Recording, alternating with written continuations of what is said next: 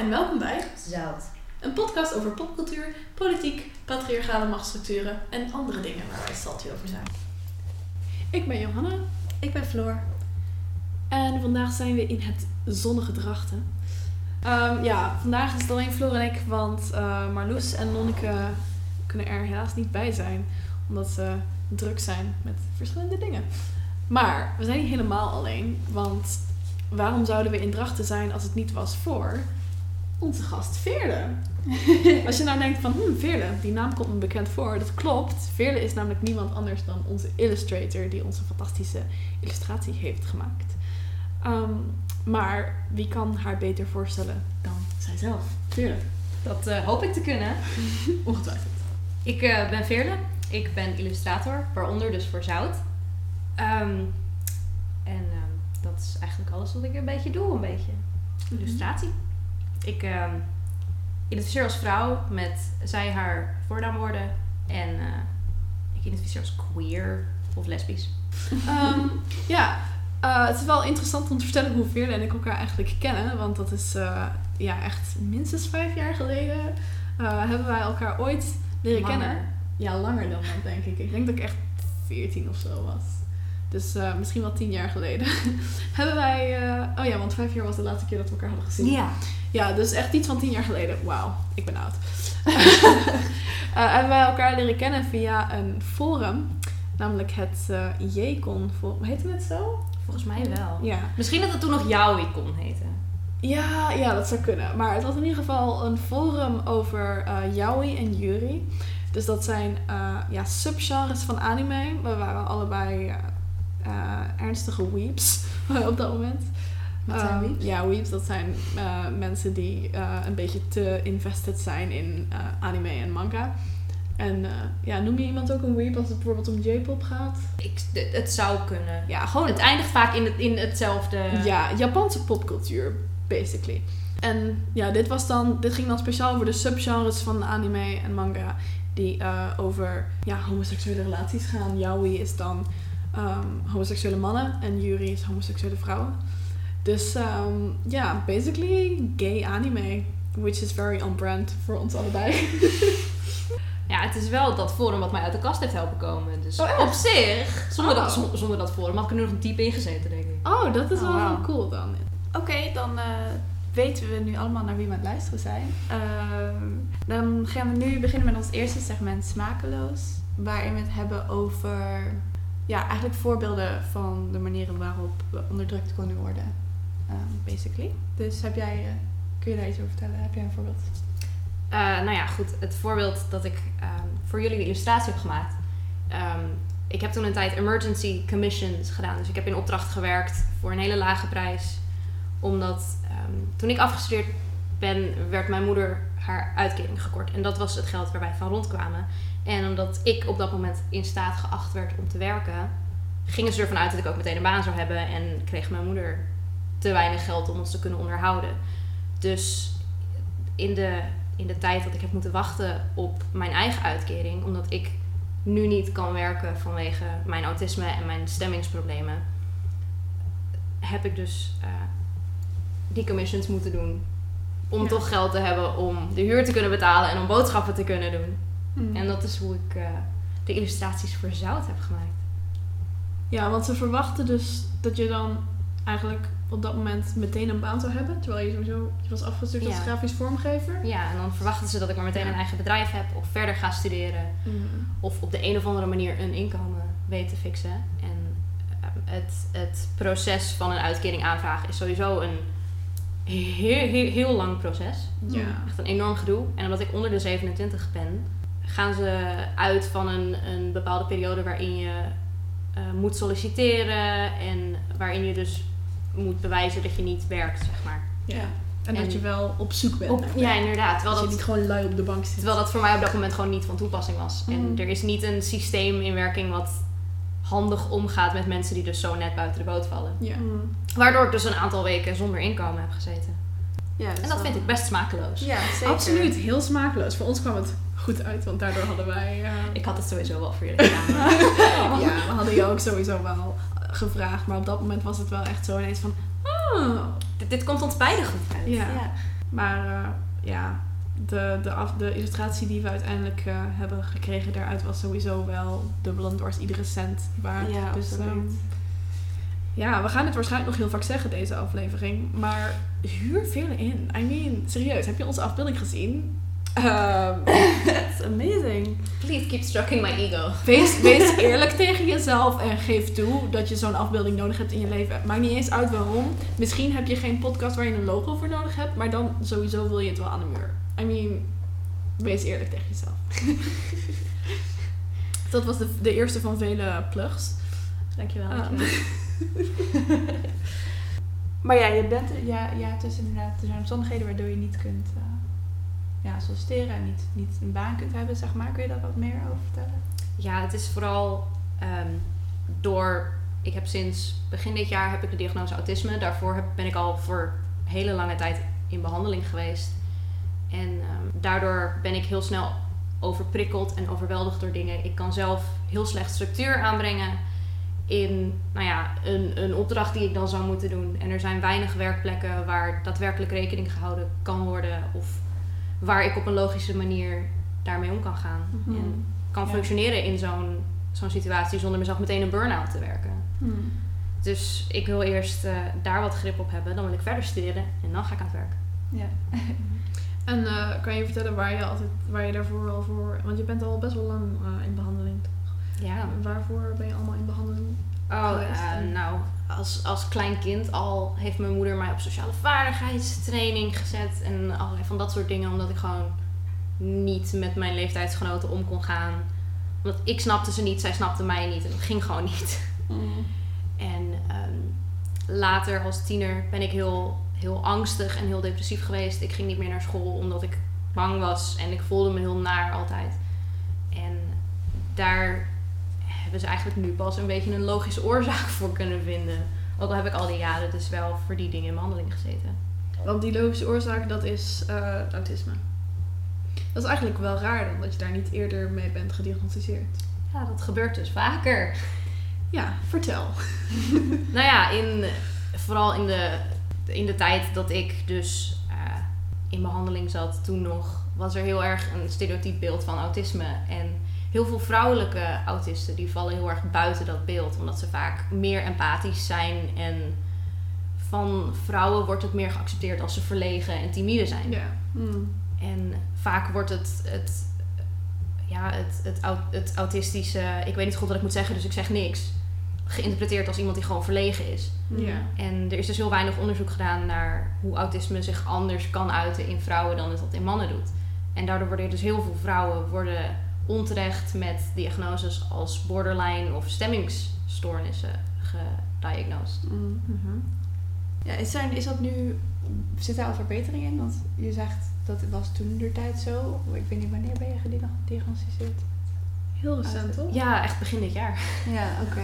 Ja. Ja, dat is, ik zit nu bij een gespecialiseerd autismecentrum. En die hebben natuurlijk veel meer kennis dan een Mhm. niet gespecialiseerd centrum heeft. En eh. Een van mijn behandelaren die zegt ook van ja, dat, er zijn nu dat daar nu onderzoek naar wordt gedaan naar hoe dat in vrouwen anders is. En dat we dat dus inderdaad beter moeten leren herkennen.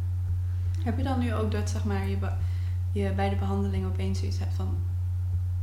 Dat het ook echt voelt van, oh nu weten ze wat ze met me aan moeten, zeg maar. Ja, het was voor mij, voor heel veel mensen, als je een diagnose krijgt, je eerst soort rouwproces. Dat je het Mm. eerst moet verwerken en dat je ook echt die fases doorgaat van boosheid en zo. Ja. Dit heb ik helemaal niet gehad. Het is voor mij een opluchting. Het hangt denk ik ook van de diagnose af. Ja, maar het was voor mij ook. Oh, het heeft eindelijk een naam. Ik weet eindelijk Ja. waarom ik doe wat ik doe. Ja, inderdaad. Ja, ik denk ook dat een, een deel daarvan is dat eh, gewoon vrouwen of meisjes eigenlijk van, van, eh, vanaf heel jong al veel meer tools aangereikt krijgen om een beetje zeg maar, te verbergen dat ze, Ja. dat ze autistisch zijn. Ook al is dat dan niet bekend, maar eh, vrouwen wordt veel, voor veel meer gepusht om sociaal te zijn en om empathisch te zijn en om zorgzaam Ja. te zijn dan, dan jongens. Dus en eh, ik, ja, ik geloof dat ook ADHD, wat dan ja, niet autisme is, maar wel op het spectrum ligt, eh, dat meisjes ook veel minder vaak hyperactief zijn. En dan eh, dat dat bij vrouwen ook eh, minder snel wordt gediagnosticeerd. Maar ja, je ziet dat ook, eh, ook gewoon in de, nou ja, om zeg maar het onderscheid te maken bij de fysieke eh, geneeskunde, zie je dat onderscheid dat er dat zoveel dingen die we weten over, over gezondheidszorg zijn geëikt op het mannelijke, Ja. mannelijke voorbeeld. Dus een tijd geleden is er uit zo'n onderzoek gekomen dat vrouwen hele andere symptomen hebben wanneer ze bijvoorbeeld een hartaanval hebben. En dat daardoor ook echt gewoon vrouwen doodgaan, omdat eh, hartaanvallen bij vrouwen dus minder worden herkend, omdat we eigenlijk... Die hebben vaak de, de stereotype symptomen niet. Ja, precies. Dus de symptomen waarvan we denken dat zijn de symptomen van een hartaanval, dat zijn eigenlijk alleen de symptomen van een hartaanval bij een man. Ja. Omdat het hart dan op een andere plaats zit, relatief met, eh, nou ja, vrouwen hebben borsten natuurlijk. Dus dat zit anatomisch iets anders.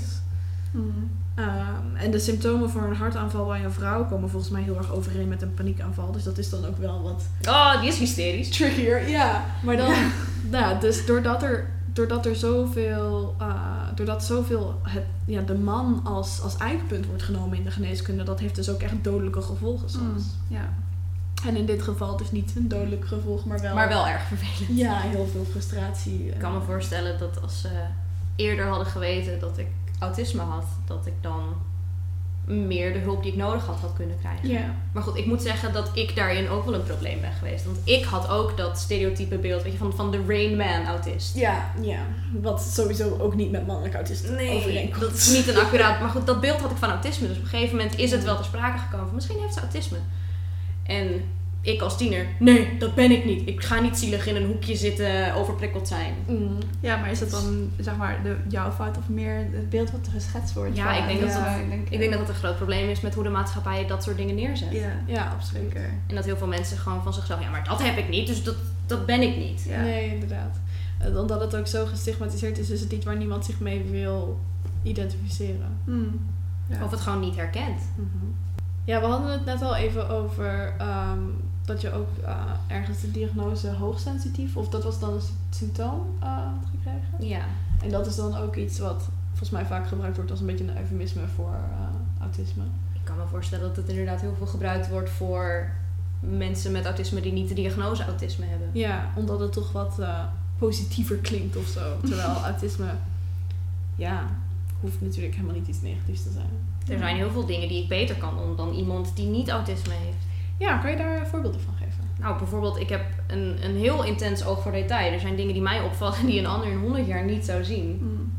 Dat, dat, ik ben heel, heel, heel erg van de details en dingen perfect doen. En ik, ik ga door tot iets perfect is. En eerder stop ik niet. Dat soort dingen. Ja, ik geloof dat er ook een beetje een, een discours begint te ontstaan waarin autisme niet meer zozeer als een stoornis wordt beschouwd, maar als eh, ja, neurodivergence noemen ze dat dan. Dus gewoon een, een afwijkend neurotype wat minder goed past in, in het kapitalistische systeem, basically. Maar dat dat niet per se betekent dat er iets mis met je is. Nou, ik vind ook niet dat er iets mis met me is. Ik heb gewoon andere dingen nodig en ik kan andere dingen beter. Ja. Alleen jammer dus dat... Dat de maatschappij er niet zo goed mee omgaat. Ja, Ja. precies. So, it's not you, it's everyone else. Literally. Nou, dat is op zich wel een fijne gedachte. Het is nog mijn fout. Kan je iets vertellen over eh, ja, jouw, jouw dagelijkse realiteit? Om een beetje het Rainman stereotype omver te werpen. Laten we even dat tegengaan met een, ja, het verhaal van een, een echte autist. Hoe, eh, hoe ziet jouw, jouw dag eruit? En wat, eh, dus ja, eigenlijk welke hulp krijg je? Maar ook hoe, waar merk je aan dat je autistisch hebt? Wat zijn, we hebben het gehad over dingen waar je goed in bent. Maar wat zijn dingen waar je moeite mee hebt? En hoe, ehm, ja, hoe richt je je leven zo in dat dat minder een probleem hoeft te zijn? Ja, ik ben nu dus nog heel erg bezig met het leven inrichten en zo. Mm. Ik ben eh, dus vorig jaar afgestudeerd als grafisch vormgever. En eh, sindsdien zit ik dus thuis. En dat aan de ene kant geeft het me heel veel rust, omdat ik natuurlijk heel weinig prikkels om me heen heb waar ik overprikkeld van kan raken. Maar aan de andere kant heb ik helemaal geen structuur in mijn dagelijks leven. En daardoor ben ik dus wel be- be- behoorlijk teruggevallen in een, in een ja, hele depressieve eh, episode, zeg maar. Want dat is wel iets waar je heel veel behoefte aan hebt, toch? Structuur. Ja, het is voor mij heel fijn als anderen kunnen uitstippen van nu ga je dit doen, nu ga je dat doen, nu ga je dat doen. Ja, ja. Dat helpt wel heel erg. Mm. Ik vind dat zelf heel moeilijk om te doen. Maar ehm, ik heb zodra ik afgestudeerd ben, heb ik me ingeschreven bij Jonks. Dat is een autisme eh, centrum hier in de buurt. Die zijn gespecialiseerd in autisme. En eh, die hebben me dus ook de diagnose gegeven. Maar ja, die hebben natuurlijk een enorme wachttijd. Want zo gaat het in de zorg tegenwoordig. Mhm. Ja, ik kan nu pas met mijn behandelingen beginnen. Ik heb nu een coach. Die komt om de twee weken bij mij thuis om mij te helpen mijn leven een beetje op de rails te krijgen. Uit te zoeken waar ik wil gaan studeren, waar ik dan wil gaan wonen, hoe dat allemaal gaat gaan. Eh, die gaat met mij naar open dagen als, als dat nodig is. En die heeft me nu dus eh, een, een, een schema gegeven zodat ik mijn dag op een vaste manier kan vullen. En niet de hele dag in bed lig en om drie uur s'nachts ga tekenen. Ja. Ja. En eh, daarnaast heb ik nu ook, eh, ben ik deze week aan begonnen psycho-educatie. Dan ga ik leren over wat houdt autisme in, waardoor ontstaat het, eh, wat voor valkuilen kun je hebben, hoe ga jij daarmee om. En dat zit dan in een groep met allemaal andere mensen die ook autisme hebben. Oh, En goed. Hopelijk eind dit jaar kan ik beginnen met mijn deeltijdbehandeling. En wat houdt dat in, deeltijdbehandeling? Eh, dat is ook in een groep. En die gaan dus echt per levensonderdeel gaan ze bespreken van waar heb je last van, hoe kun je daar wat aan doen en hoe gaan anderen daarmee om, hoe kan jouw omgeving ook rekening houden met dingen. En dan ga je gewoon leren om jezelf handvaten te geven zodat je al die dingen gewoon kan doen. Hm, Oké, dat klinkt goed. Je zei, eh, hoe ontstaat het? Is, is autisme iets wat ontstaat? Want er zijn natuurlijk ook heel veel eh, ideeën over dat het door vaccinaties komt en zo. wat niet waar is, dat is heel lang al achterhaald. Dus Oh man. please educate yourself. Maar ehm, ja, Ja, hoe het zeg maar, ehm, want het is, voor zover ik weet, is het inderdaad aangeboren. ja, Ja. het En is erg hoe dat- toch? Volgens mij wel. Het loopt vaak wel in families, ja. Maar hoe dat dan ontstaat en wat voor, wat voor ehm, omgevingsinvloeden het wel kunnen versterken tijdens de opvoeding ja. en zo. Je hebt bijvoorbeeld heel veel autisme, autisten die later in hun leven pas ontdekken dat ze autisme hebben, omdat ze opgegroeid zijn in een hele stabiele omgeving waar ze altijd Oh, alles ja. hadden wat ze nodig hadden. En dus qua structuur en weinig prikkels en zo, dat het nooit echt op is gevallen dat ze anders waren. Oh ja. Hm. Je, je bent pas een week, zei je bij die eh psycho-educatie, maar heb je nu al dingen ontdekt waarvan je dacht, oh, eh, dat wist ik niet, of dat is nieuw, of dat is anders. Nee, ik heb nu nog niet echt revelations gehad of zo. Nee. Maar ik heb wel ehm, dat ik me echt heel erg herken in het beeldmateriaal wat ze daar laten zien. Mm. En in de, in, de, in de andere mensen in die groep dan. Nou, dat is wel fijn. Dat zij dan dingen zeggen. Ik denk van, oh, dat heb ik ook! Ja! ja, Oh, ja. Ehm, ja, de laatste keer dat ik jou zag, toen eh, kwam ik jou ook fotograferen. dat is volgens mij de eerste keer dat wij afspreken en dat, dat, dat het niet over fotografie gaat. ja. Eh, maar toen zat jij in een, ja, hoe, hoe zou je dat noemen? Oh, hoe zou ik het noemen? Ja, ik zat in behandeling ehm, op de Wenakker heet dat dan. Dat was in Groningen. En ehm, ik, ik woonde daar door, door de week en dan kreeg ik overdag behandeling en school. En dan mocht ik in het weekend mocht ik wel naar huis. Oh, je had daar ook echt school daar? Ja. Oké. Dat was binnen die, die instelling? Oké. Ja, dat was een soort hele kleine renvierschool. Ah, oké. En eh, ja, kan je iets vertellen over hoe, ja, hoe kwam je daar terecht en, en hoe zagen de dagen er daaruit? Wat hield die behandeling precies in? Nou ja, het was, Ik denk dat, ehm, dat zeg maar, ja, psychiatrische instelling, dat was dit niet geloof ik. Maar ja, dat klinkt ook meteen zo heftig. ja, maar iedere vorm van interne behandeling, ik, daar, nou ja, als, dat, als je dat in popcultuur tegenkomt, vooral in van die tienerseries, is het eigenlijk altijd een 19e eeuws horror asylum. Of inderdaad, wat je zei, de, de gekke afdeling van het ziekenhuis. Dus eh, ja, hoe, hoe ziet dat er nou eigenlijk echt uit? Ja, het was gewoon een, een gebouw waar een stel jongeren wonen die toevallig een paar problemen hebben. En ehm, ja, je wordt daar 's ochtends wakker, je hebt gewoon ontbijt op een vaste tijd met een groep. En dan heb je verschillende behandelingen die je kan volgen. Je hebt een aantal die volg je dus inderdaad in groepsverband. En ehm, je hebt ook bijvoorbeeld contactmomentjes gedurende de dag. Dat je dan met een leiding gaat praten over hoe het met je gaat en waar je mee bezig wil. En je hebt een aantal behandelingen in je eentje. En je gaat ook een dagdeel naar school en dat is wat je daar doet. Je hebt ook vrije tijd. En je mag gewoon van het terrein af als je dat wil, als je niet al iets anders hebt op dat moment. En je moet op een vaste tijd moet je weer gaan slapen. Dus je zat niet in een dwangbuis in een isoleercel? Nee. En je had ook een eigen kamer en zo. Ja. Ja. Ik heb eh, het eerste half jaar heb ik in dat gebouw zelf gezeten. En als je wat verder in je behandeling bent, hebben ze ook een ander gebouw wat echt een, een woonhuis is in een, in een wijk daar wat vandaan. Was dat waar ik jou Ja. eh, kwam bezoeken? Ja, ja, dat dacht ik. Ja. En eh, ja, hoe kwam je daar terecht? Ehm, dat was de tweede keer dat ik mijn school niet... Nee, de derde keer dat ik mijn school niet heb afgemaakt. Ik heb op de middelbare school heb ik niet heel goed gedaan. Is, eh, Fair enough. het is ook niet, niet echt gemaakt voor mensen die net wat anders zijn dan je Nee, standaard. absoluut niet. En eh, dat bleek bij mij dus heel erg dat dat gewoon niet, niet werkte. En, eh, En op welke manier werkt dat niet? Waar liep je tegenaan? ik was vooral heel angstig, omdat ik ben van nature niet heel sociaal sterk, omdat ik heel Mhm. veel subtiele dingen niet merk of ik weet niet wat ik moet zeggen. En eh, dat maakte me gewoon heel angstig dat ik het verkeerde ding zou zeggen of dat mensen gewoon raar op me zouden reageren. En eh, ja, daarnaast was ik ook gewoon heel depressief. Tieners en, en ja, en depressie, dat is gewoon heel intens. Ja. Ik ben daar. En ik ging dus gewoon niet naar school. En op een gegeven moment heeft mijn decaan...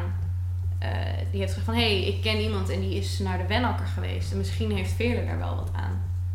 En Oké. eh, toen ben ik daar dus heen gestuurd. En het heeft wel geholpen. Al heb ik daar natuurlijk niet eh, gespecialiseerde behandeling gekregen voor...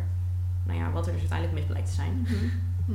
Oké, dus dat ging niet via, via een therapeut of via een huisarts of Nou ja, ik heb me wel via de huisarts aangemeld. Right. Maar het is aangeraden van iemand anders. Goed dat de decaan daar ook wel zo'n inzicht in heeft dan. Ja, dat, dat was echt een toffe vrouw was dat. Ehm, ja, we, we, we weten dus eigenlijk niet zo goed hoe we dat nou eigenlijk moeten noemen waar je zat. Of het een ja, psychiatrische instelling is. Of, ehm, ja, we hadden het er net al even over. Maar er is eigenlijk best wel weinig taal in het Nederlands om te praten over, over ja, psychische problemen, is dan hoe je het zou zeggen. Alleen al dat we het woord mental illness niet gebruiken in het Nederlands. Mentale ziekte, dat zegt niemand. Nee, het is vaak wordt het een stoornis genoemd of een... Ja. Of, of gewoon psychische klachten of psychische problemen. En heel veel van die onderzoeken die uitkomen gaat het steeds over psychische klachten of psychische problemen. En dat is eigenlijk wel bijzonder ook dat, dat gewoon dus de, de link met ziekte niet bestaat. Waardoor nog meer die, die lijn wordt getrokken tussen zeg maar wat fysieke gezondheid is en, en mentale gezondheid. Eh, ik denk dat dat heel schadelijk is, want, want ah, mentale gezondheid, nou ja, hadden we het bij de trigger warnings aflevering al een beetje over. Mentale gezondheid is natuurlijk ook fysieke gezondheid, want dat heeft over en weer heel veel effect op elkaar. En ja, een, een depressie is net zo goed een ziekte als, als kanker, die ook net goed een dodelijke afloop kan hebben. ook bijvoorbeeld dat er niet echt een woord is in het Nederlands voor anxiety. Ehm, dat, is dan, ja, dat is iets waar ik zelf veel te maken mee heb. En meestal als ik, als ik met jullie bijvoorbeeld praat daarover, dan zeg ik ook altijd anxiety. Omdat angst niet echt dezelfde lading dekt. En, en veel mensen hebben het dan ook over bijvoorbeeld nerveus of zenuwachtig. En dat is ook allemaal niet hetzelfde. En, en angst, dat suggereert ook echt dat je bang bent voor een specifiek iets. En dus als een Nederlander met anxiety heb ik dus ook heel vaak dat als ik probeer dat aan mensen uit te leggen, dat ze zoiets hebben van, oké, maar waar ben je dan bang voor? En nou ja, dat is dus precies juist een beetje een probleem met anxiety. Dat gaat niet echt om een, eh, om een specifieke angst. Of een angst om een logische situatie. Nee, inderdaad. Ja, je zei net al, dat angst is een, is een rationele emotie. Ja, Ja. een logische reactie als je iets gevaarlijks... Weet je, als ik een krokodil zie, dan ben ik met recht bang, want die Ja. kan me doodmaken. Ja. Maar als ik een menigte inloop, is het op zich... Waarom zou ik daar bang voor hoeven zijn? Het zijn maar mensen. Ja, ja, goed. Ik kan heel veel, heel veel redenen bedenken waarom je daar bang voor moet zijn. Maar ik ben dan Maar- ook iemand met anxiety. ja, en je kan wel... in- We hebben wel het woord angststoornis. Maar als ik probeer uit te leggen dat ik me op een bepaalde dag heel angstig voel... Dan ja, heb ik, zeg toch meestal anxious. Ja. Ja, we hebben een gesprek over mental illness. Ja. Eigenlijk altijd ook dat we Engelse woorden gebruiken, zoals mental illness. Ja. Maar in het Nederlands, ja, ehm, het is gewoon heel moeilijk om te zoeken naar woorden. Je hebt dan va- valide en... wat ja, is als je het hebt over disability Invalide, inderdaad. Ja. Ja, Ja. valide, dat is echt letterlijk, dat betekent waarde. Dus als je invalide bent, ben je dan ja minder, minder waardevol. Ja. Ja, Of, dat of is minder legit ook. Valid is ook zoiets van, oh, that's valid, dat is, dat is legit, dat is... Ja. wel. legitiem. Ja. De- ja, ik vind, ik vind eh, ja, we proberen, ik probeer vaker het woord validisme te gebruiken, want ik zeg nog heel vaak ableism, maar ja, validisme is wel zeg maar een woord wat, ik vind dat wel bekender moet worden of zo in het Nederlands. Maar, maar om dan, eh, om, om het over mensen te hebben als valide, dat vind ik echt, mm, ik Minder- of minder minder valide. valide. Ja, of minder valide inderdaad, of invalide. Ja, want invalide is nu niet meer, maar minder valide is nu de... Ja, maar dat, dat proces laat al een beetje zien hoe, hoe moeilijk Nederland het daarmee heeft. Dat, want ik bedoel, hoe vaak is dat veranderd? Toen ik jong was, toen zei je nog dat iemand gehandicapt was. En toen op een gegeven moment, toen werden dat niet meer een gehandicapte, maar iemand met een handicap. En toen werd het iemand met een beperking. Volgens mij is dat nu nog steeds. Ja, ik, ik, ja, ik gebruik, mijn moeder die werkt met ehm, mensen met een verstandelijke beperking dan. Ja, En dat is inderdaad hoe wij het noemen. ja maar, maar mental illness is weer niet hetzelfde als een verstandelijke Nee. beperking. Want dan heb je het Nee. over mensen met Down Dat gebeurt vaak wel samen. Veel mensen met een verstandelijke beperking hebben ook psychische problemen. Maar Ja, maar ik heb geen verstandelijke Nee, beperking. ik ook niet. En ik heb wel, wel mental illness. Maar ook eh, het feit dat dat zo vaak ja, verandert. En ik weet nog dat er op een gegeven moment was er een initiatief om het te gaan hebben over mensen met een uitdaging. Omdat mensen met een beperking dan weer te beperkend zou zijn. Nou, dat is volgens mij gelukkig uiteindelijk niet doorgevoerd. Ik vind dat wel een beetje een eh, rare, Ja, dat rare is ook- benaming. Dat is ook super ableist. Want dan is het zo van, ah, jouw probleem. eh los Praat is een uitdaging. Ja, Hier, we gaan geen rolstoelramps Super. voor je bouwen. Het is een Nee, uitdaging ja. om de trap op te komen. precies, precies. Het als een uitdaging. Heel groot. Maar ik associeer al die woorden minder valide, invalide ook heel erg met fysieke, Ja, fysieke precies. dingen. Precies, en volgens dat wordt ook, zeg maar, ableism is, is heel erg van toepassing ook op, op eh, ja, ja, mentale beperkingen, dus eigenlijk Mhm. psychische beperkingen. Ehm, maar wordt in het Nederlands daar eigenlijk nooit voor gebruikt. Nee, ja, en ableism is dan het woord dat wij nu gebruiken voor Ja. de, de onderdrukking en discriminatie van mensen Mensen met met een beperkingen. beperking. Ja. Ja. Dus Ja. dat is best ingewikkeld. Ja, ja, dus het is, het is deels de taal, maar ook, ook wel gewoon hoe dat gezien wordt. Want eh ja, Veerle, jij vertelde net al een beetje dat je ook eh, het gevoel hebt dat je aan mensen moet bewijzen dat je wel echt ziek bent als je het hebt over een uitkering. Ja. Van, oh, wat doe je dan de hele dag thuis? Van, ik heb niet dat ik, ehm, dat ik reuma heb en dat ik overal pijn heb. Dat, dat Mhm. heb ik niet. Maar ik kan niet zomaar iemand anders... Ik kan niet zomaar wat iemand anders doet doen. Het is gewoon, ik heb nu... Ja, nu kan het even niet. Ja, inderdaad. Maar dat is ook heel moeilijk. Het is voor mij niet een permanente staat van eh, ongeschikt zijn, zeg maar. Mhm. Maar in ieder geval, ja, vond ik het wel, vind ik het wel interessant. Daar heb je ook wel vaak gesprekken over de, hoe weinig, hoe moeilijk het eigenlijk is om in het Nederlands daarover te praten. In het, in het Engels zijn er in ieder geval al meer woorden voor. Ja. Uh, maar zelfs in het Engels merkte ik bijvoorbeeld dat ik nog niet echt een woord had voor iemand die geen uh, psychische beperking heeft. Iemand die geen psychische problemen of ja, psychische ziektes heeft. Want ja, dat wordt dan uh, online nog vaak als neurotypical beschreven. Maar neurotypical is in principe iemand die... uh, Geen autisme heeft. Ja, of geen autisme spectrum. uh, ja. En wordt dat in het Nederlands ook gewoon neurotypisch genoemd? Of is dat dan echt voor zover ik weet wel. ja, dat kan je zo zeggen. Ik weet niet of dat inderdaad gebruikt wordt. Ik weet niet of het in de psychiatrie en de psychologie gebruikt wordt. Maar Ik weet niet of neurotypical überhaupt in de psychiatrie Nee, dat weet ik ook niet. Maar in de volksmond, ik heb het mensen Ja. horen zeggen. Ja, ja. Maar dus hoe, ja, want je, hebt, je kan iemand a- eh, able-bodied noemen als je het hebt als tegenhanger van disabled, maar je kan able-bodied zijn en alsnog een beperking hebben, bijvoorbeeld eh, een angststoornis. Dat is een beperking, maar dat is niet een physical disability. Ehm, dus ik kwam daar laatst een Twitter-traatje over tegen. Ik ben even vergeten wat. Het was iemand die ik niet volgde. Volgens mij kwam ik het in een retweet ergens tegen. Maar die stelde voor het woord abled of uh, non-disabled. Om het te hebben over mensen die gewoon geen beperking hebben. Dus geen psychische en geen lichamelijke beperkingen. Ja, dat vind ik wel een goede. Maar- Ik bedoel, ik ben able-bodied. Maar Ja. ik ben niet abled. Ja, precies. Maar goed, je bent ook niet neurotypical. Nee. Maar goed, dan is het voor, voor Nederlands dan ook weer de vraag. Ja.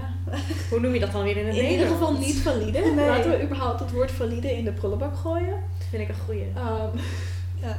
Tenzij je het hebt over of iets een valide reden ergens voor is. maar niet, in, niet in, als je het hebt over of een persoon wel of niet valide is. Want dat is. Mm, nou, nee. Ja, Ja. het woord valide, eh, ja, dat, dat gaat dus over waarde, maar het is ook echt letterlijk dat. dat nou ja, er was een wetsvoorstel ehm, over, ja. over ehm, mensen met een beperking Mhm. die ehm, voor, minim, voor minder dan het minimumloon kon- mochten werken. Ja. Zeg maar, zij mochten minder dan het minimumloon betaald worden, of mogen dan, ehm, binnenkort, als het wordt aangenomen. En er waren ook, ze, ze kregen dan ook geen ehm, pensioen meer. En ik weet niet precies de details hiervan. Ehm, Maar perfecte omstandigheden om iemand uit te buiten. Ja, we, we kunnen Ja. er wel een artikel over linken in de show notes. Maar waar het eigenlijk op neerkomt is dat ze zeg maar, eh, zoals altijd, nog meer zoveel mogelijk willen korten op eh arbeidsongeschiktheidsverzekeringen. of niet verzekeringen, maar arbeidsongeschiktheidsuitkeringen. En eh, dingen die daarop lijken, pretty much. Eh, dus eigenlijk alles wat iemand met een beperking kan helpen, daar willen ze zoveel mogelijk op korten. Maar het probleem is dan, als je tegen mensen met een beperking gaat zeggen van... Oh, ga gewoon werken, jullie kunnen wel werken. Dan kunnen die mensen wel met de beste wil van de wereld gaan solliciteren. Maar werkgevers, die hebben wel zoiets van... Hmm, ja, maar jij werkt misschien toch iets minder hard dan iemand zonder Ik kan beperking. niet garanderen dat je het net zo goed doet. Ja. Het gaat ook niet per se om hard werken, maar... Nee, het, nee, nee, nee, Je het produceert misschien gaat- ja, minder. het gaat absoluut niet om hard werken, maar Zo wel zijn vanuit, zij dat. Ja, ja. dat is wel hoe het wordt gezien natuurlijk. Ja. En uh, dus die, die ja, mensen met een beperking zijn gewoon minder aantrekkelijk voor werknemers. Wat super fucked up is sowieso. En, maar dat is wel hoe dat dan werkt. En dus om te zorgen dat die mensen dan nog wel aan een baan kunnen kopen, komen. Um, want anders dan hebben ze toch recht op een uitkering. En dat wil de overheid liever voorkomen. Dus uh, eigenlijk om, om, om mensen met een beperking aantrekkelijker te maken voor werkgevers ja, dan maar gewoon inkorten op uh, ja, rechten. gewoon, gewoon zo goedkoop mogelijk ja, maken. dan maar gewoon mensen met een beperking minder rechten geven. Want hé. Hey. Terwijl er, er is ook heel lang geweest, ik weet niet of dat nog zo is, dat bedrijven subsidie kregen voor het aannemen van iemand met een beperking. Ja, maar dan zou de overheid juist geld Ja. moeten geven voor me. En dat is Maar dat is wel heel lang zo geweest. Ja, dat, dat is ook beter, denk ik. Ja, dat denk ik ook. Um, Want de persoon in kwestie is en aantrekkelijk voor een werkgever en verdient gewoon zijn normale ja. wat hij zou moeten verdienen. Ja, en dan betaalt de overheid daarvoor in plaats van dat de persoon met de beperking eigenlijk voor zijn eigen beperking moet betalen. En voor de duidelijkheid, beperkingen zijn al duur. Want als je autistisch bent, uh, dan, nou, ik weet niet hoeveel geld er in jouw leven al is naar de, naar de psychische hulpverlening is gegaan. Ja, dat wordt gelukkig Maar, vergoed. uh, dus dat. Ja, maar je eigen risico? Heb je dat niet, Ja, uh? dat heb ik wel. Maar ik, ik ben gelukkig niet een hele dure zorgverzekerde persoon. Maar ik heb verder nooit wat, dus het valt allemaal wel mee. Uh, toen ik begon met uh, therapie, toen, ja, ik heb altijd eigen risico daarover moeten betalen. Um, maar toen ik, toen ik voor het eerst, nee, was niet voor het eerst, maar toen ik op een gegeven moment in therapie ging, toen was er ook nog dat je voor psychische gezondheidszorg een eigen bijdrage moest betalen. Dat is nu gelukkig weg. Maar dan betaalde je dat dus bovenop je eigen risico. Dus ik geloof dat ik dan in een jaar iets van 600 euro moest betalen voor de therapie die ik kreeg. Mm. Dat was uh, not a fun time. En goed, ja, medicatie en al Ja, medicatie wordt dan heel snel heel duur. Ja. Ik ken mensen die bepaalde medicatie slikken en dan in plaats van dat ze één pil met een hogere dosering hebben, hebben ze vijf pillen van een lagere dosering. Omdat die met de hogere dosering wordt niet vergoed. Ja. Maar die met de lagere dosering wel. Ja, en voor, uh, voor ADHD heb je bijvoorbeeld... Uh, um, Concerta is, is een, een, een merk medicatie dat voor heel veel mensen beter werkt dan... Het alternatief is dan Ritalin, geloof ik. Dat zou best kunnen. Ritalin heb ik gehad. Dat is ook um, Ja, in ieder geval, er, er zijn verschillende soorten medicatie voor ADHD. En daarvan werkt de ene gewoon heel slecht bij sommige mensen. En dan Concerta is een vervanging daarvoor. Maar die wordt dan niet vergoed. En, of die is veel duurder of zo. Dus dat soort... Uh, en er was op een gegeven moment...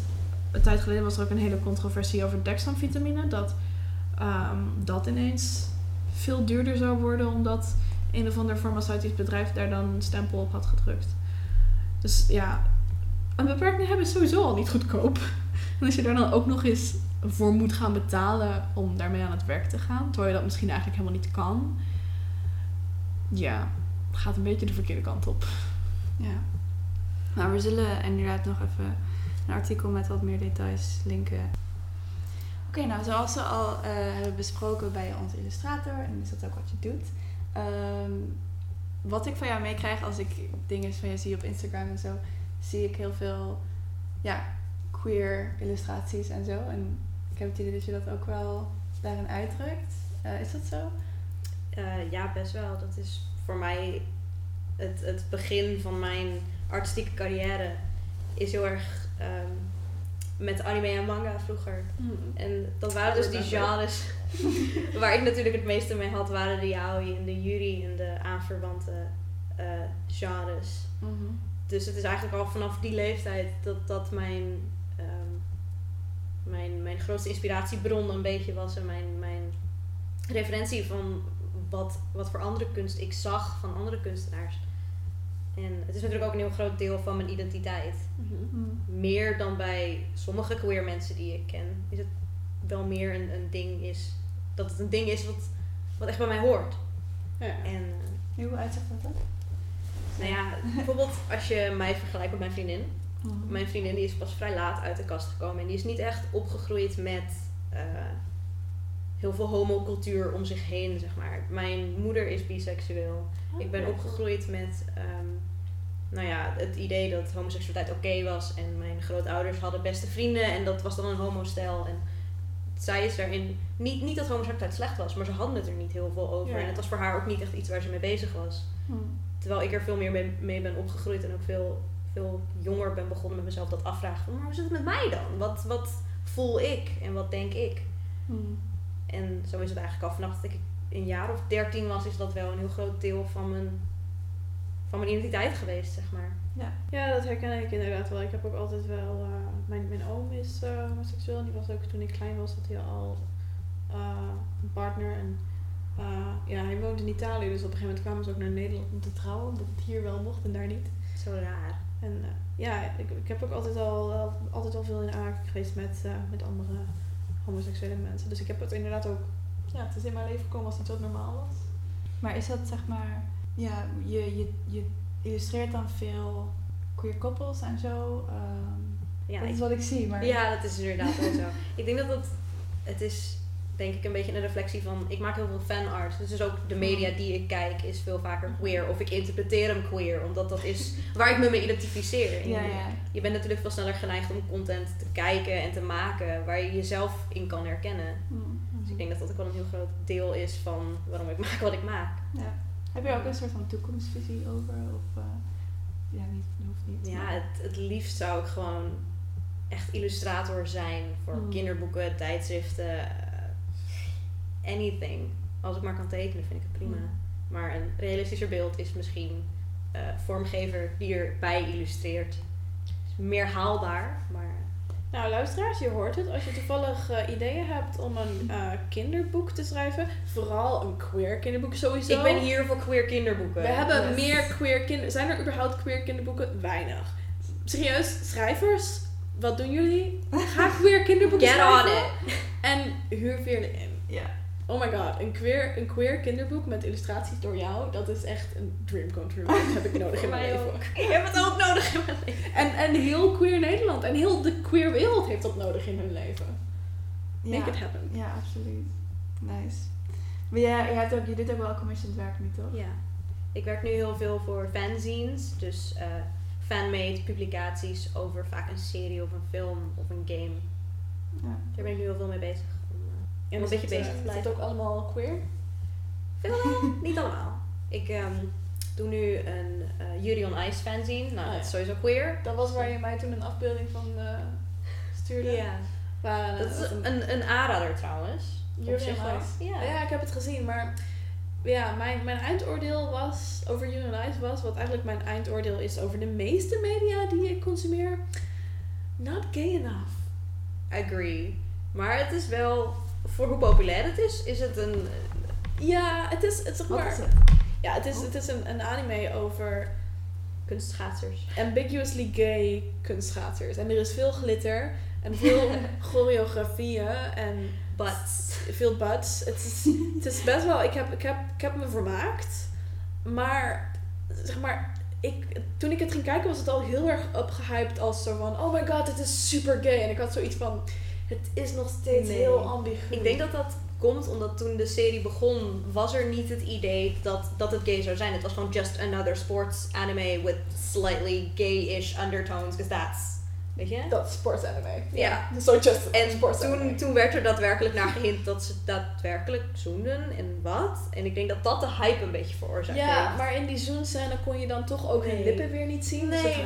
je Daar is nog wel een dikke rel om geweest, voor zover ik weet. Maar goed, ik zat in het begin niet in die fandom. Ik ben er pas heel laat bijgekomen. Ja, ik heb nooit in die fandom echt gezeten, maar ik, ik zag zo steeds op Twitter en, en op YouTube en overal dat mensen zoiets hadden van oh my god, best anime ooit, het is zo gay. Toen dacht ik, it's gay? Oké, oké, I'll take it. En toen was het niet zo oké als ik had gehoopt. Oh. Nee. Ja, het was voor mij gewoon fijn dat er in anime een keer eh, confirmed gay content was, zonder dat het enorm problematisch was. Mm. Ik denk dat dat voor mij een hele verademing was. Ja, het is wel, het is wel heel, heel soft en cute en, en wholesome. Dat, ja. Hm. Hoewel, niet helemaal wholesome, zit ook nog wel veel vetshaming in. Ja, dat was wel jammer. That's the problem. Maar, maar inderdaad, voor, voor, als je het vergelijkt met hoe jouw hier vaak is, It's good. ja, was het, was het redelijk wholesome. Dat was het voor mij dus gewoon heel erg. eh, oh my god, het is niet naar. Ja. Het is niet pijnlijk om naar te kijken. Mhm. Ja, nu we het hebben over dingen die we aan kunnen raden. Misschien. Ja, laten we het gaan hebben over onze favorites. ehm, waarin wij dingen aanraden waar we blij van worden. En de dingen die ons tijdelijk afleiden van het kapitalistische hellscape waarin we wonen. Ehm, verder, zijn er dingen die jij ons graag zou willen aanraden en onze luisteraars? Jawel. Ten eerste ehm, een serie waar ik de afgelopen week heel erg van genoten heb. Dirk Gently's Holistic Detective Agency. Oké, kan je uitleggen waar het over gaat?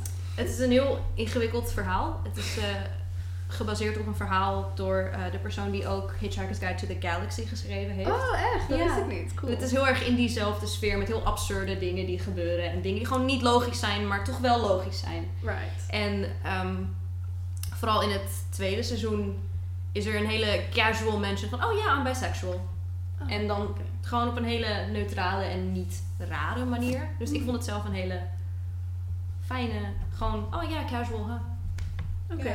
nice. Ik gewoon heel vind casual. een heerlijke serie ook. Ja, ik heb hem nog niet Eh. gezien. Het is met Elijah Wood, toch? Ja. Het staat op Netflix. Het is wel gecanceld, dacht ik. Ja, en daar was ik zo boos over. Daarom moeten veel meer mensen het gaan kijken. Ja. Ze mogen het niet cancelen, want het is te goed. Hm. Ja. Ja, altijd verdrietig. Ja. Het is inderdaad heel absurd. En ja, rollercoaster. Kijk. Ehm, Nou ja, en de, in het tweede seizoen de, de roze haar. eh, het begin van het tweede seizoen was voor mij meteen een ik ben verliefd op deze serie momentje. Je hebt een, een hele stereotype, eh, twee families zijn tegen elkaar in een fantasiewereld ding. Oké. En wat je verwacht, misschien is het een beetje spoilery, maar je verwacht dat de, de twee mannen elkaar gaan neersteken of met elkaar gaan vechten. Maar dat is niet wat er gebeurt. Fijn. En er is roze haar. En dat, dat wat er niet gebeurt is zeg maar vrij queer. En daar werd ik heel gelukkig van. Nice. Ik ben altijd in favor of roze haar en ook onverwachte queerness. Mhm. Ook verwachte queerness. Gewoon queerness in general. Het is zo'n moment Maar- waarop je hoopt dat het queer is. En normaal is het dan niet queer. Ja, ja. Maar in dit geval was het het wel. En Ja, dat is heel fijn. Ik ben benieuwd. Ik ga het zeker kijken. En eh, ja, jullie ook natuurlijk. Oké, dus eh, Dirk Gently's Holistic Detective Agency. Ja, goede mond vol. Ja, inderdaad. Nou, het staat op Netflix, dus eh, leuk. Ehm, je had nog een andere favorite voor ons? Ja, ik wil graag even een shout-out geven aan een hele goede vriendin van mij. Die is eh, ook autistisch, heeft fi- fibromyalgie en kan daardoor dus niet fulltime werken. Maar ze maakt wel illustraties en schilderijen in opdracht. En eh, ze streamt twee dagen per week. En ik ga nu even opzoeken wat haar Twitch username is. Oké. Want ze streamt op Twitch. En wat houdt dat precies in, dat streamen? eh, vaak twee uur lang op dinsdag en donderdag. Vaak. Ehm, dat ze dan een paar uur lang gaat tekenen en gezellig met de mensen in de chat praten. En ze heeft nu net een puntensysteem waardoor je per minuut waar je haar stream kijkt kun je punten verdienen. En daarmee kun je dan liedjes aan de playlist toevoegen die op de achtergrond afspeelt. Oh, leuk. Is altijd heel leuk. Dus ik heb de halve Shrek soundtrack eh, toegevoegd. Nice. Oh, dus je kan gewoon, je kan haar zien tekenen. Ja, je kan dus, eh, ze heeft een facecam, je kan zien wat zij aan het doen is. En eh, je kan zien wat voor tekeningen ze aan het maken is. Oké. En ik ga nu de link vinden. Marte Elisabeth. Oké, we zullen de, de Twitch-link ook nog in de, in de show notes zetten. En eh, op welke manier kunnen onze luisteraars haar supporten? Eh, nou, op Twitch kun je een subscription nemen op haar. Dat is iets van 5 euro per maand. Oké. En dan kun je ook haar custom hamster emoji gebruiken in de chat. Amazing. nice. Haar hamster is een emoji. En eh, voor, ik geloof 50 euro kun je een simpel dierenportret bij haar commissionen. Oké. En dat, die informatie staat ook gewoon allemaal op haar Twitch-account? Ja, en anders staat het wel op haar andere social media die daar ook gelinkt zijn. Oké, nou. Dus eh, als je nog een portret van je hamster, hond, kat of parkiet wil, dan eh, weet je bij deze bij wie je moet zijn. Ga naar Marten. Ja, wij hebben zelf ook nog wat favorites. Ehm, ik blijf even in de Netflix eh, traditie. Ehm, want de serie die ik graag wil aanraden is One Day at a Time. Uh, het is net gerenewd voor een derde seizoen, maar ook nog een beetje precarious. Dus kijk het alsjeblieft en kijk het allemaal. Of minstens vier afleveringen, geloof ik. Dat is hoe, hoe Netflix dat telt. Zodat het ook na het derde seizoen nog een vierde en een vijfde en een zesde en nog heel veel seizoenen kan krijgen. Want dit is echt een serie die de wereld nodig heeft. Het is een sitcom, een, ja, gewoon een vrij uh, ja, soort van traditionele family sitcom uh, over een Cubaans-Amerikaanse familie.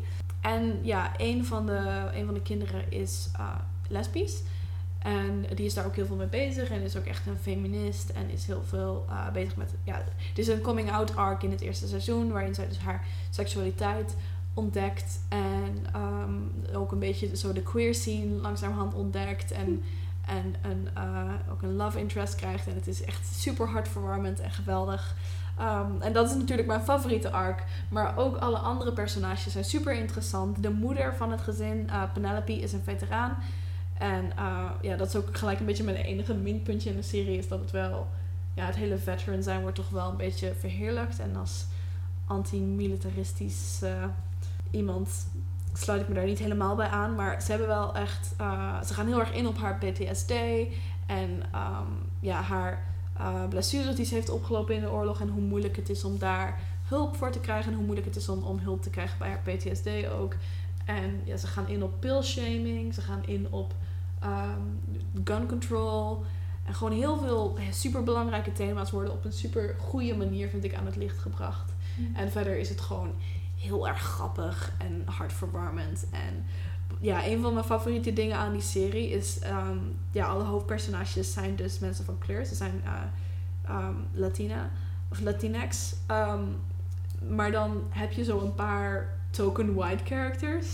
En dat bedoel ik niet alleen in de zin dat de witte personages in de minderheid zijn. Het zijn oprecht token characters. Zoals je in heel veel, zeg maar, crappy white people sitcoms...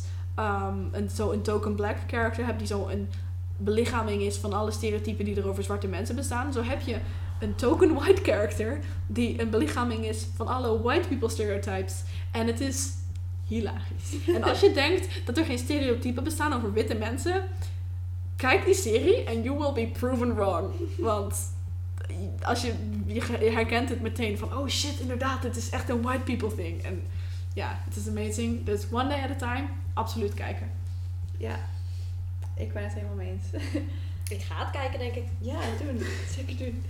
Uh, ja, we hebben als laatste zeker nog een Netflix-serie. Of het hashtag not um, en dat is Queer Eye. Uh, en dat gaat, dat, dat is een, uh, een reality show eigenlijk. Het is een reboot van Queer Eye for the Straight Guy. Wat in de jaren 90 geloof ik een ding was. Ja, maar ik geloof dat de nieuwe Queer Eye een stuk progressiever is. Ja, het gaat dus over, of het zijn uh, vijf homo mannen. Um, en die gaan basically naar iemand toe om, om die persoon, om, ook mannen, een, een soort van make-over te geven. Maar niet alleen zeg maar op uiterlijk gericht, maar ook ja, om ze eigenlijk een soort van boost te geven in hun leven. Dat zijn vaak mannen die, uh, die, even, die in een sleur zitten en die... Um, ja, waarmee, ze, dit, waarmee het gewoon niet zo lekker gaat. Mm-hmm. En dan komen, dan komen de vijf mannen van Queer Eye die man tips geven en um, ja, vertellen van hoe je op het gebied van, nou ja, wel ook stijl, maar ook uh, huisinrichting, voedsel, uh, emotional self-care eigenlijk, basically. Yeah. En er was nog iets, er is nog één. Ja, er zijn vijf categorieën. Je hebt fashion, um, grooming, dus ja, maar dat is eigenlijk ook... Dat is ook stijl. Ja, maar ook self-care. Het is een beetje zo, zo van, wat doe je in je haar, maar ook zo, weet je, hoe verzorg je je gebit en verzorg je je huis. Um, en dan heb je dus interior design inderdaad, uh, cuisine en ja, culture. culture. maar dat is eigenlijk ook een beetje meer, ja, emotioneel. Uh, ja, hoe word je zelfverzekerder en ja. hoe deel je met dingen en uh, Ja. Ja, maar wat ik er heel fijn aan vind is dat ik... Ik ben eigenlijk niet zo fan van makeover programma's. Want ik heb altijd Nee, zoiets van... Waarom zou je jezelf en je uiterlijk moeten veranderen om ge- geaccepteerd te worden? Maar dit gaat echt over... Ja, over self-care. En, Ja. en ze doen ook echt emotional labor voor die persoon. En je ziet ook echt dat ze aan het eind van de aflevering gewoon... Dat het beter met ze gaat. En dat ze... Mhm. En dan gaat iedereen altijd hu- huilen. ja, Inclusief jij als je het kijkt. Als je Oh. emoties hebt. ja het, is heel, het is heel soft. eh, en heel precious. Ja. Dus ga het vooral kijken. En je denkt ook in het begin dat het zo, zo van die sassy gay stereotypes zijn die zo iemands fashion belachelijk gaan maken. En heel af en toe is dat ook wel een beetje zo. Maar ze zijn vooral heel lief. Ze zijn gewoon heel vriendelijk. En één, één daarvan is echt zo'n super over the top camp gay iemand waarvan ik eerst dacht van, oh, jij bent zo'n levensstereotype. En nou, die vond ik in, in het begin een beetje irritant, maar op een gegeven moment ging ik zo van hem houden, want oh, Het is zo lief. ze zijn gewoon zo goed allemaal. Ze zijn, ze, hebben- ze, ze zijn zo lief en vriendelijk en empathisch. En Ja, dat, die zucht, dat slaag je, dat sla, die slaak je naar zo'n aflevering. ja, het is, de, de Netflix-serie is een beetje het, het, zeg maar, het, het Netflix-equivalent van een, een warm bad met heel veel bathbombs van een niet nauw te benoemen merk. Ja. Hashtag not sponsored. Ja, precies. Dat was het voor deze aflevering. Eh, super bedankt Veerle dat je dit gesprek met ons wilde aangaan.